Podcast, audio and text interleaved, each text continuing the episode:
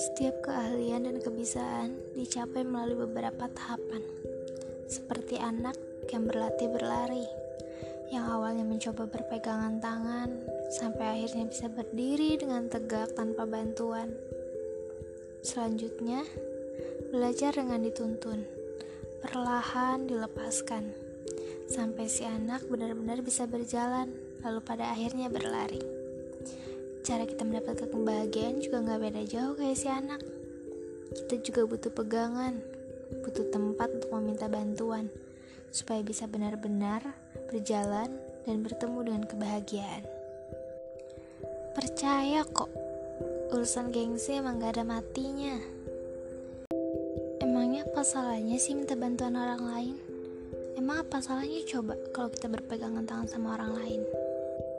Gengsi yang dibalut trauma masa lalu, jiwa introvert, atau ketakutan-ketakutan lain yang gak akan bisa dijelaskan. Gak apa-apalah sesekali buka diri. Hmm, iya sih. Memang siapa aku bisa ngomong gini? Siapa aku sampai punya hak ngomong kayak gini? Aku versi dirimu yang lebih berani. Beberapa tahun yang lalu berada di posisi yang memprihatinkan. Cuma perkara nggak mau ngasih contekan, satu kelas bisik-bisikan, dan dihalangi kaki supaya bisa tertandung. Waktu mama tanya kenapa, aku cuma bisa nangis, lalu bilang, nggak apa-apa. Cuma nggak apa-apa. Mantra yang seperti sudah menyatu darah dagingku menghipnotis keadaan, dan menipu kenyataan. Besoknya aku menyerah. Kuserahkan semua tugas sekolah. Aku berikan setiap selesai. Aku kerjakan, lalu aku pinjamkan. Tahu itu apa wujud sebenarnya? Mereka mengasih pujian, tapi pujian yang secara nggak langsung sebenarnya bilang, Selamat datang di sebuah dunia dengan karaktermu sebagai orang bodoh. Walau punya banyak teman dan diulukan sebagai orang pintar, tapi sebenarnya tidak. Aku yang terburuk. Aku tahu, tapi pura-pura gak mau tahu. Aku terima dimanfaatkan asal dapat teman. Bertahun-tahun berlalu, sampai akhirnya dimanfaatkan itu entah bagaimana berkembang jadi kambing hitam. Aku tertawa tertawa sekeras-kerasnya, menertawakan kebodohanku yang sudah memberi makan kambing hitamku. Hari itu, aku hampir dikeluarkan dari sekolah atas masalah yang sebenarnya gak aku lakukan. Sampai di sana aku berpikir, sejak kapan?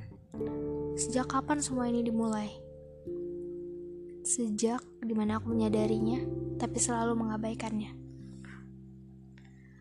Beruntung keluargaku bukan keluarga yang biasa, sehingga aku bisa lulus, bisa lolos dari jeratan hukum.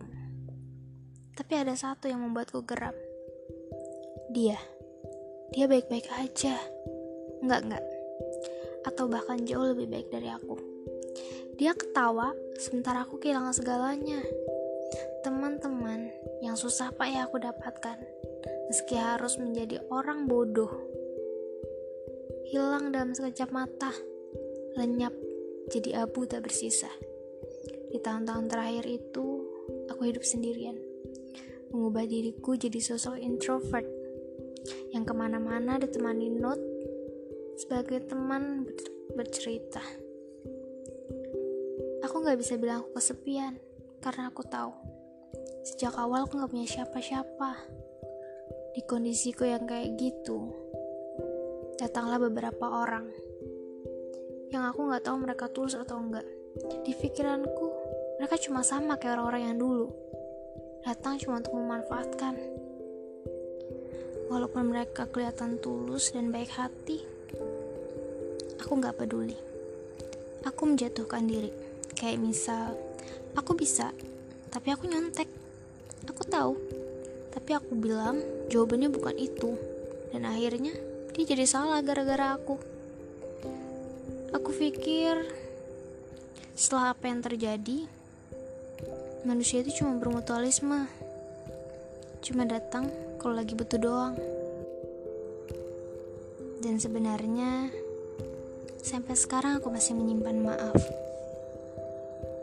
Aku sadar pengalaman-pengalamanku dulu membuatku mengerti dan bisa membedakan sebenarnya manusia jenis apa yang datang manusia jenis apa yang datang pas perlu doang dan yang mana yang gak terlalu peduli saat bayar utang. Tapi aku salah. Sekali lagi, aku yang terburuk. Waktu itu, dengan entengnya, perihal piknik hari itu aku bilang, kalian aja yang pergi, gue enggak. Dan mereka tanya kenapa. Gue jawab, gue gak punya temen tahu apa yang terjadi. Mukanya merah. Merah menahan marah. Seolah ada rasa sesak yang mengganjal. Dia cuma bisa bilang, Terus, kita ini lo anggap apa? Aku terdiam. Menyadari kalau manusia emang tempatnya berbuat dosa dan salah. Untuk kedua kalinya, aku jadi egois lagi mengabaikan perasaan orang di sekitarku. Dulu, aku tahu mereka gak suka aku, tapi aku paksa dengan contekanku. Dan sekarang, aku tahu mereka suka aku, tapi aku yang menjauhkan mereka. Tahu itu bukan yang mereka mau. Makanya, sekarang aku berhenti menutup diri kita harus bisa membedakan antara menutup diri dengan menutup hati. Aku terima semua orang yang mampir di hidupku. Aku telan helaan nafas berat mereka. Aku bertahan dengan baik di depan tapi menggunjing di belakang. Aku terima umpatan yang dibalut dengan candaan. Aku akan bilang, jadi introvert itu kesalahan bukan ketakutan, bukan juga trauma masa lalu yang ada, tapi keegoisan. Kamu yang egois, menghukum dirimu sendiri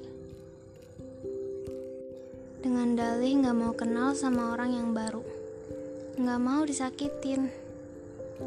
Kamu cuma mikirin perasaanmu tanpa mikirin perasaan orang lain yang mau deket sama kamu. Tahu kan? Istilah orang jahat terlahir dari orang baik yang tersakiti.